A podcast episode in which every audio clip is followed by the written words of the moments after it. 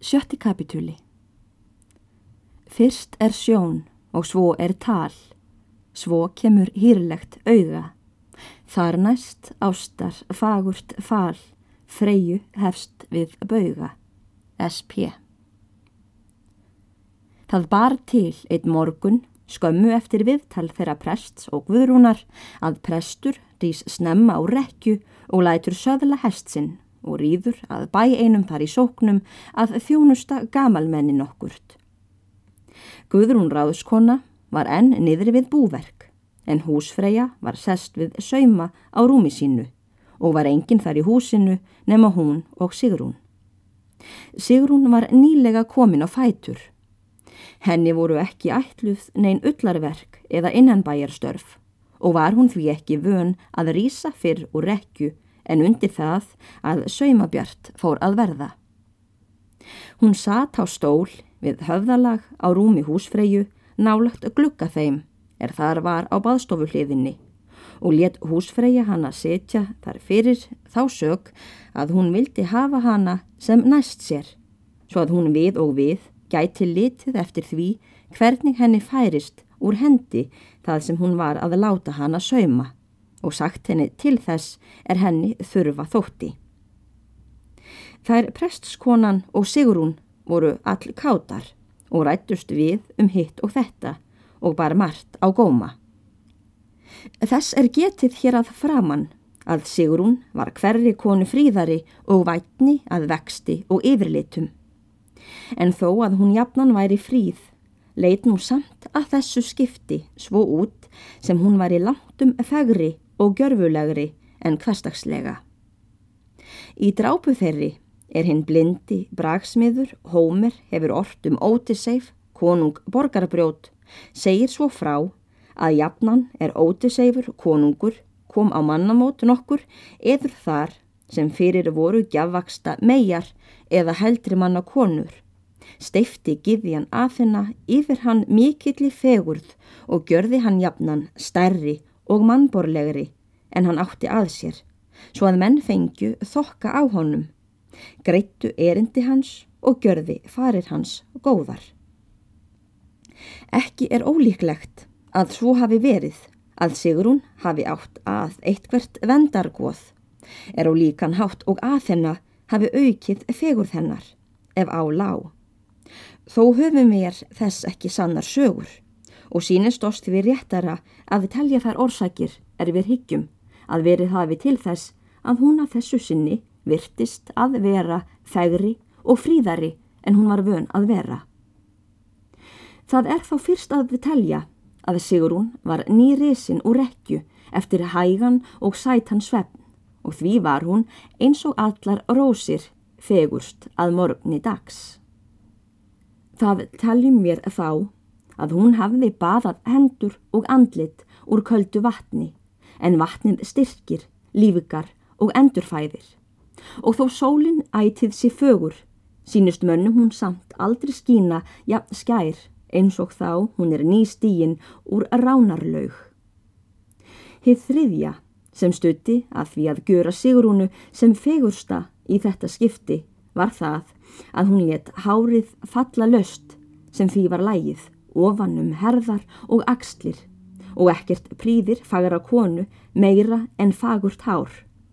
Því það er eins og blómið á rósakollunum eða laufið á eikinni sem breyðist út og blaktir í sunnanvindinum.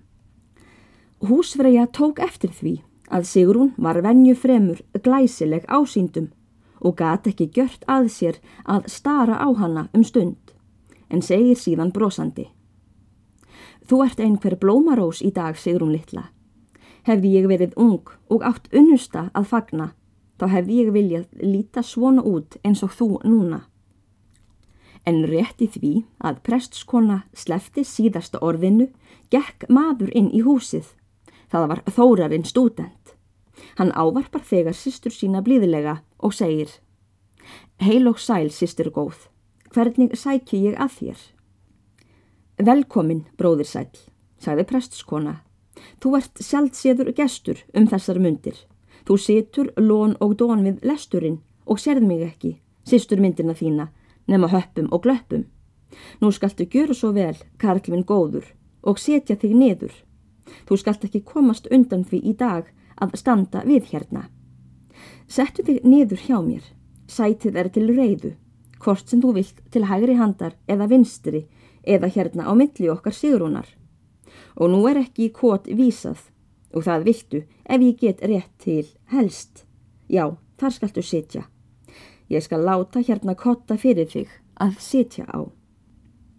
Nei, nei, sýstir, hafðu ekkert fyrir því. Ég sest þar sem ég kem fyrst að.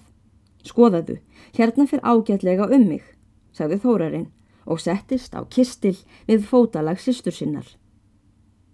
Þú kant ekki góða ráð að þýðast. Þetta gjörði ég nú fyrir þig að bjóða þér að setjast hérna. Ég vildi þú hefðir eitthvað að una þér við. Og það var, sýstur góð. Ég ávið morgungeislana eru þeir ekki nógu fallegt leikfang fyrir þig, sagði prestskona.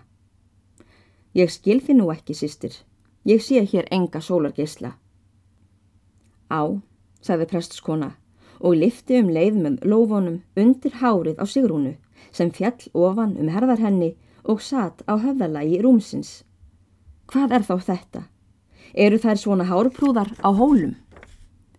Þórarinn leitt á og róðinaði við og varð honum það ósjálfrátt en létt þó sem honum brygði eigi við og sagði blátt áfram.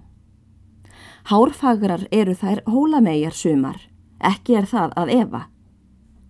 Prestskona leitt framann í þórarinn og sá að hann hafði tekið litaskiptum.